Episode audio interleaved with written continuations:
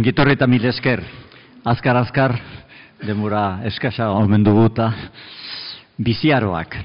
Bi hitzetan eh, errateko, xamarren liburuak aldi oro nik uste dut eh, gure gizarteari, gure euskaldunguari, gure herriari egiten zaion opari bat dela. Horritzen zate, ja, hogeita urte, hogeita urte atera zela horipean, eta oraindik ere hor dago, betire kurritzen ari da, ezker eskuin bateti bertzeat, eta gero etorri dire bertze batzuk Euskara jendea, eta horrekan, eta e, etxea, eta orain datorkigu biziarroarekin. Beti gainera, hizkuntza eta hizkuntzaren kultura eta kulturaren hizkuntza ere bai. Hizkuntzaren bizi eta biziaren hizkuntza, hortan oinarrituta aspaldi da ni gainera, dialetika hortan, garatu izan ditu ba, oso, oso divulgatibo mailan oso oso erresak diren, oso erresak ilakur ulerte erresak eta oso e, erresart sartzen direnak, e, sartzen diren liburuak, baina era berean divulgazio bat ongi oinarritua.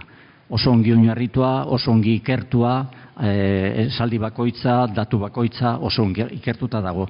Eta gainetikan bere berezitasunetako bat da, ba, enborra hori baldin bada, hizkuntza eta hizkuntzaren inguruan hizkuntza kultura edo etxea bada ere, e, beti gero horren e, enbor horren adarrak ere ekartzen ditu eta adarz ezinago interesgarriak. Beti enbor horren zentzua e, ematen dutenak eta nik esanen nuke gainera dela enborra badirudi behialako duela ez dakitzen badenbora pasatutoko gauza direla biziareo bezala ematen du behiala gertatutako errituak eta ospakizunak, ez baina adarroien bitartez beti enbor horri ematen diote gaurkotasuna, bizitasuna, bizirik dagoela.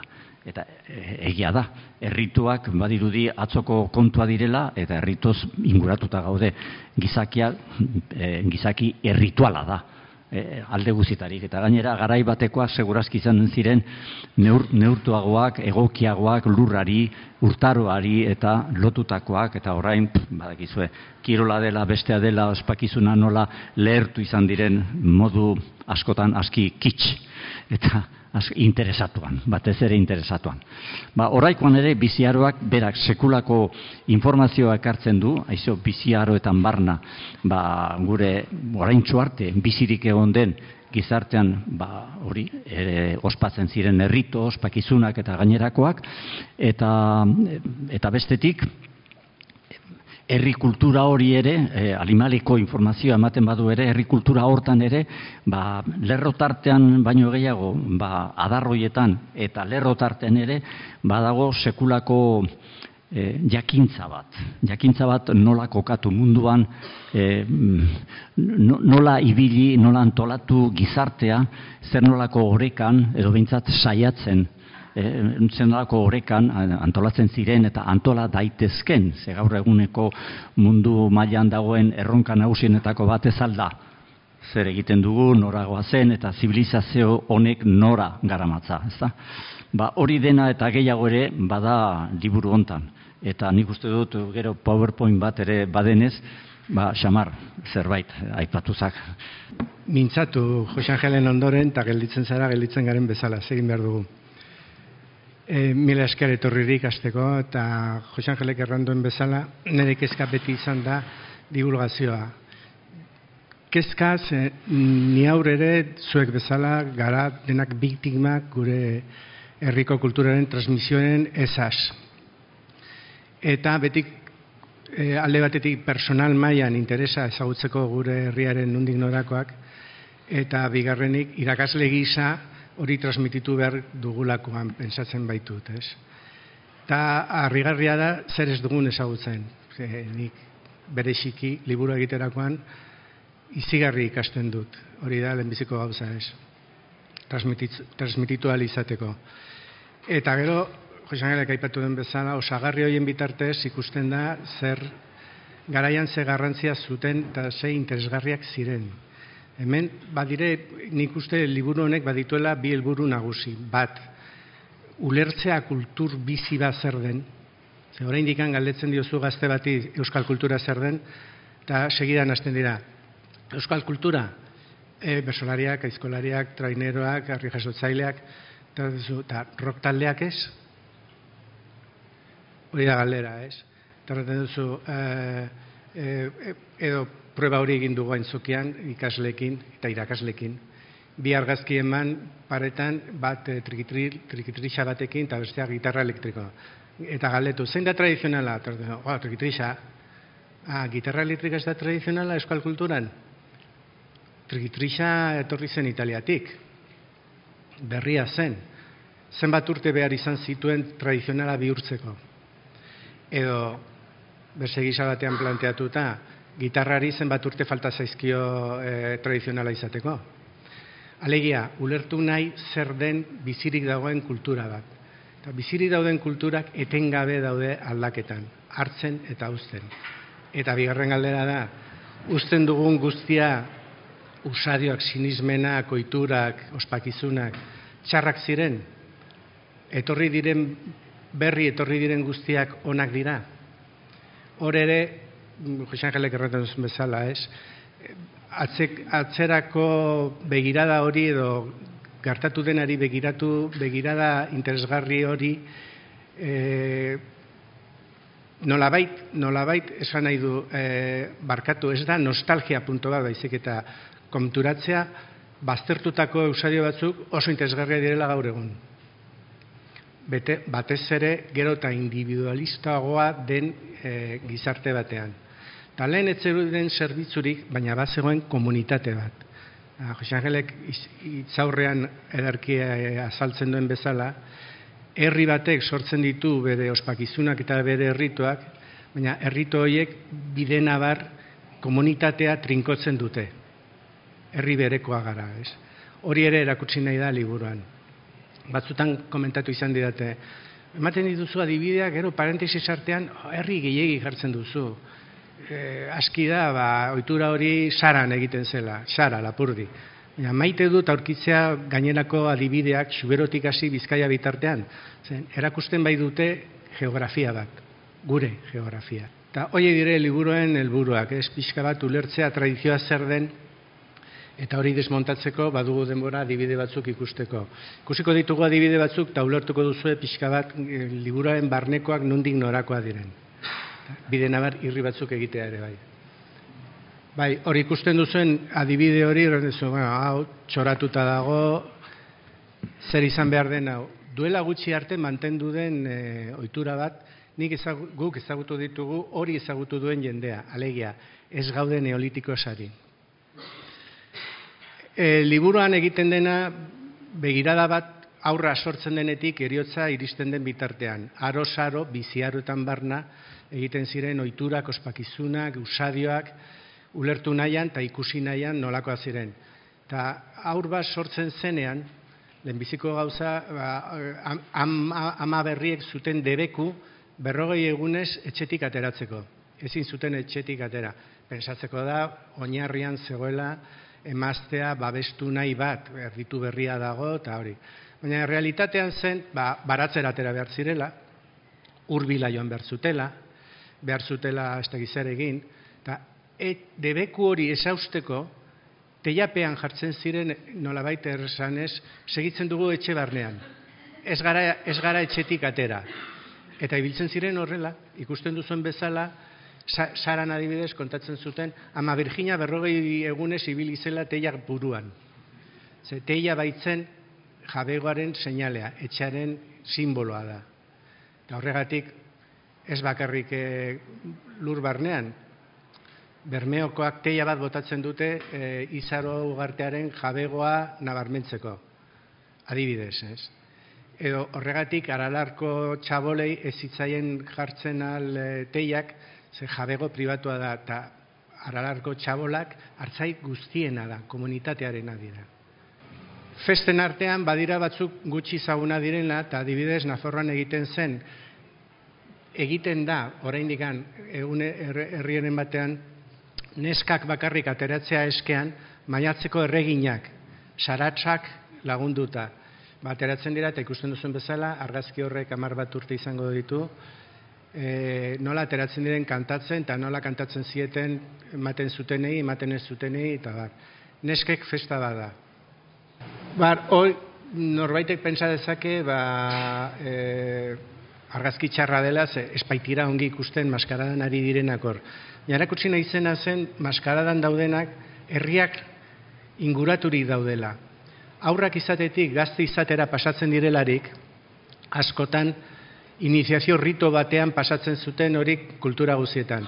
Gurean ere, gurean parte hartzea publikoan plazaratzea herri guztiaren aurrean, dantzari gisa edo inauterietan edo pastoral batean edo zernei publiko zelarik, bazen maila bat, aurrek ezin zuten olakorik egin. Behar zuten maila bat izan, hain xuxen ikusi da nola herri askotan, inauterietan edo dantzan edo publikoan aritzen direneak, ja herriko gazte dira, ja ez dira aurrak. Nolabait, iniziazio bat izan da hiendako, eta badituzte orain privilegio batzuk lehen ez dituztenak. Xuberoan kontatzen zuten, ba, parte hartu ondoren e, maskarada batean, baina aizu zuten herriko tabernara sartzeko. Ze, ordu arte, bakarrik aurrak ez ziren ibiltzen al. Bai? Eta dantza munduan, bitxia da ikustea, momentu bat, batzuetan, herrito batzuetan, orduzu donostia duela egun urte, e, alkatea zela dantza egiten zuena herriaren aurrean. Aski bitxia dena. Luze hitz egiteko, e, ez dugu denborari. Berdin gertatzen zen etxeen transmisioarekin.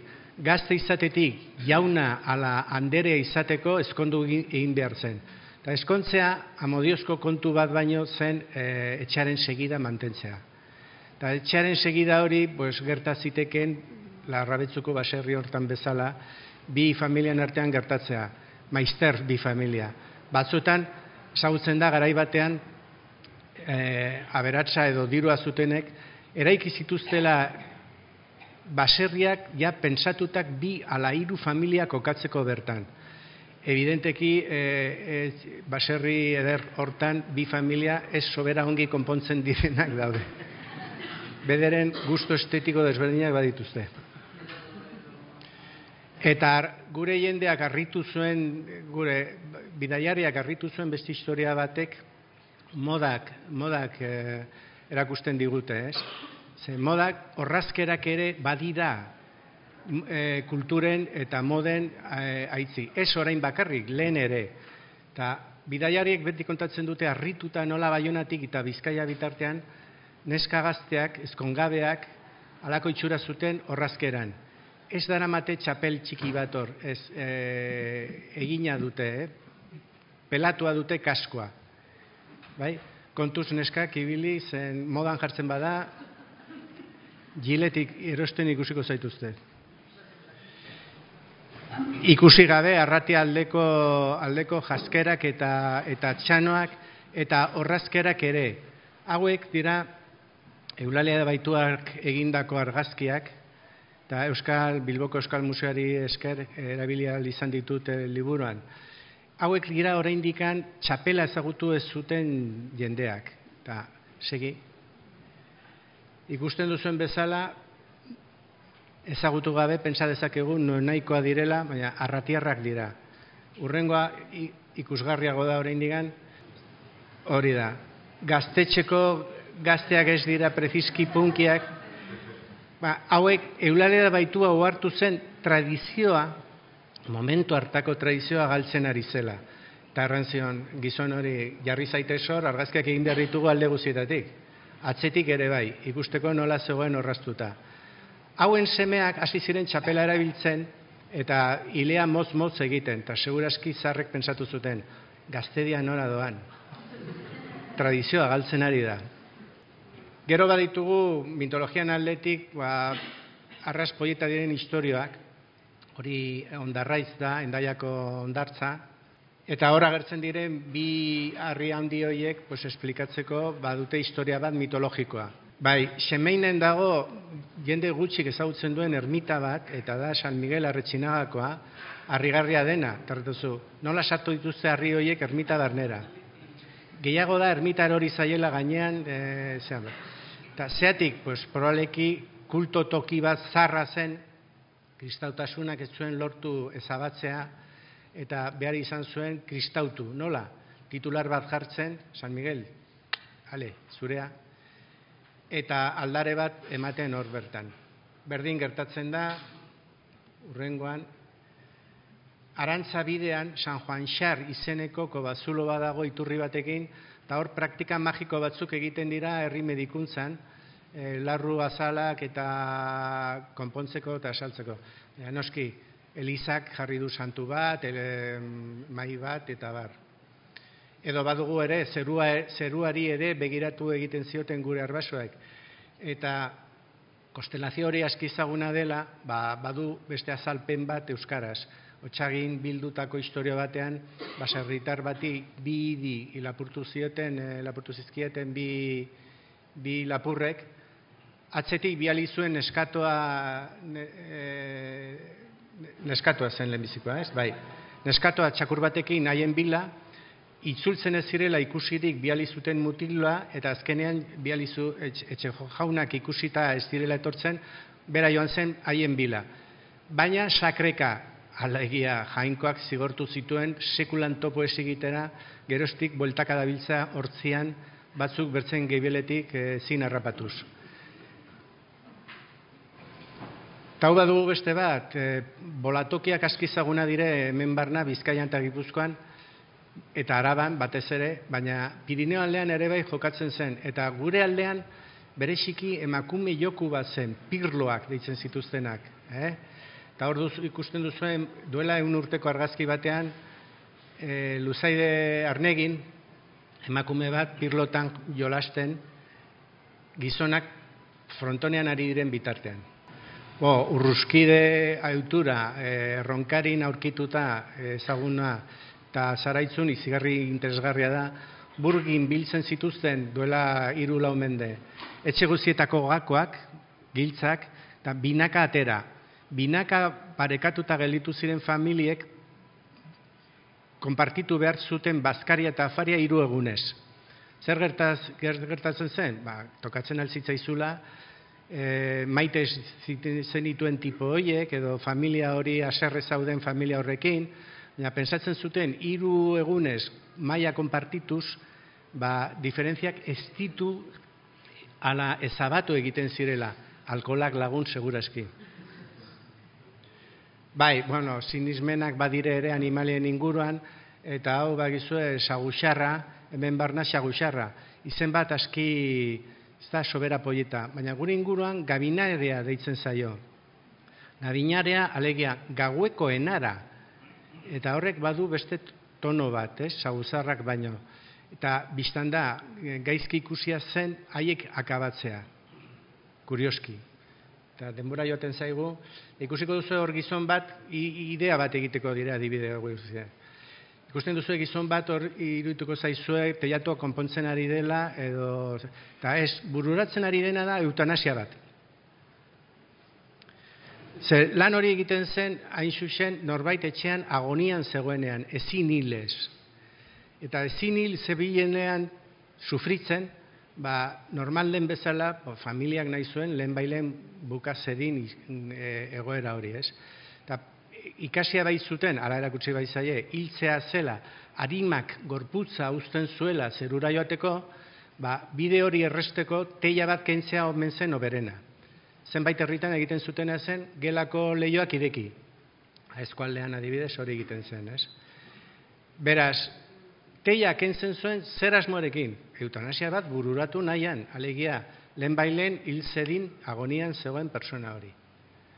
Ikusten duzuen bezala, gure beharrak dira berberak, jostaio asko izanik edo, edo gutxi. Eh? Bueno, animalen ofrendak ilmezetan, izugarriak ziren, eta hau ja bukatzeko badugu beste bat, hor hilerrian zegoena, eh, ba, igual da. Persona bat norbait hiltzerak eh, hil ondoren lurperatzen zutenean, euria egiten baldin bazuen seinale ona zen. Nik hori bizitu nuen garraldan, zen gure izeba bat hiltzenean lurperatzen izien, eta hilerrian izugrizko euriak bota zituen. Gero, hildakoaren anaiarik komentatu nion, ba, ze euriak bota, di, bota dizkigu, eh? zerbait komentatzen dira, ba, hi, suerte izan dugu, I, piztu zitzaidan e, belarria, nola, zer ba? Bai, bakizu, euri ona, hil ona.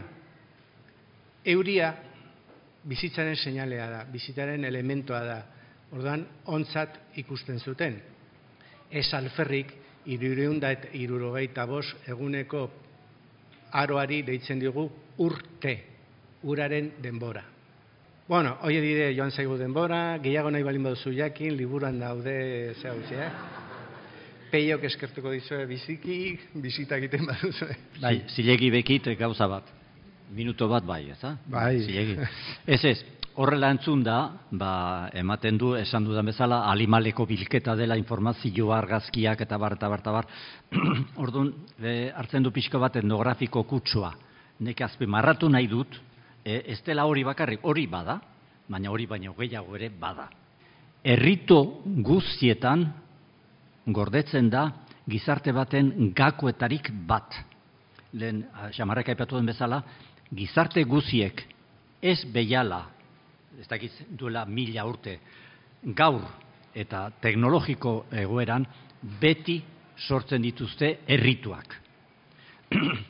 eta